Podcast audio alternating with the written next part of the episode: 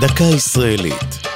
השבוע לציון 30 שנה למלחמת המפרץ, והפעם טילי הפטריוט. אדם הנאמן למדינתו מכונה פטריוט. זהו גם שמה של מערכת טילים נגד מטוסים וטילים של חברת רייתיון האמריקנית. בארץ שמה העברי יהלום. טילי הפטריוט הובאו אלינו מארצות הברית בינואר 1991.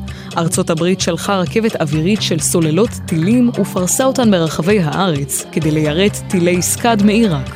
צוותים ישראליים הוכשרו בארצות הברית להפעלת הסוללות, ועם פרוץ המלחמה הוזעקו ארצה ושרתו עם חיילי צבא ארצות הברית כתף אל כתף. במהלך המלחמה נורו עשרות טילי פטריוט לעבר הטילים מעיראק. חלקם נכשלו במשימת היירוט, לעיתים פגעו בסקאדים, אך לא השמידו אותם, ובמספר מקרים הסבו הטילים האמריקניים נזק קרקעי. עם זאת, הם זכו להתעניינות רבה והעלו את מורל הציבור. תושבי תל אביב שנשארו בעיר בעת המלחמה, השתמשו אז בסיסמה "אני פטריוט תל אביבי".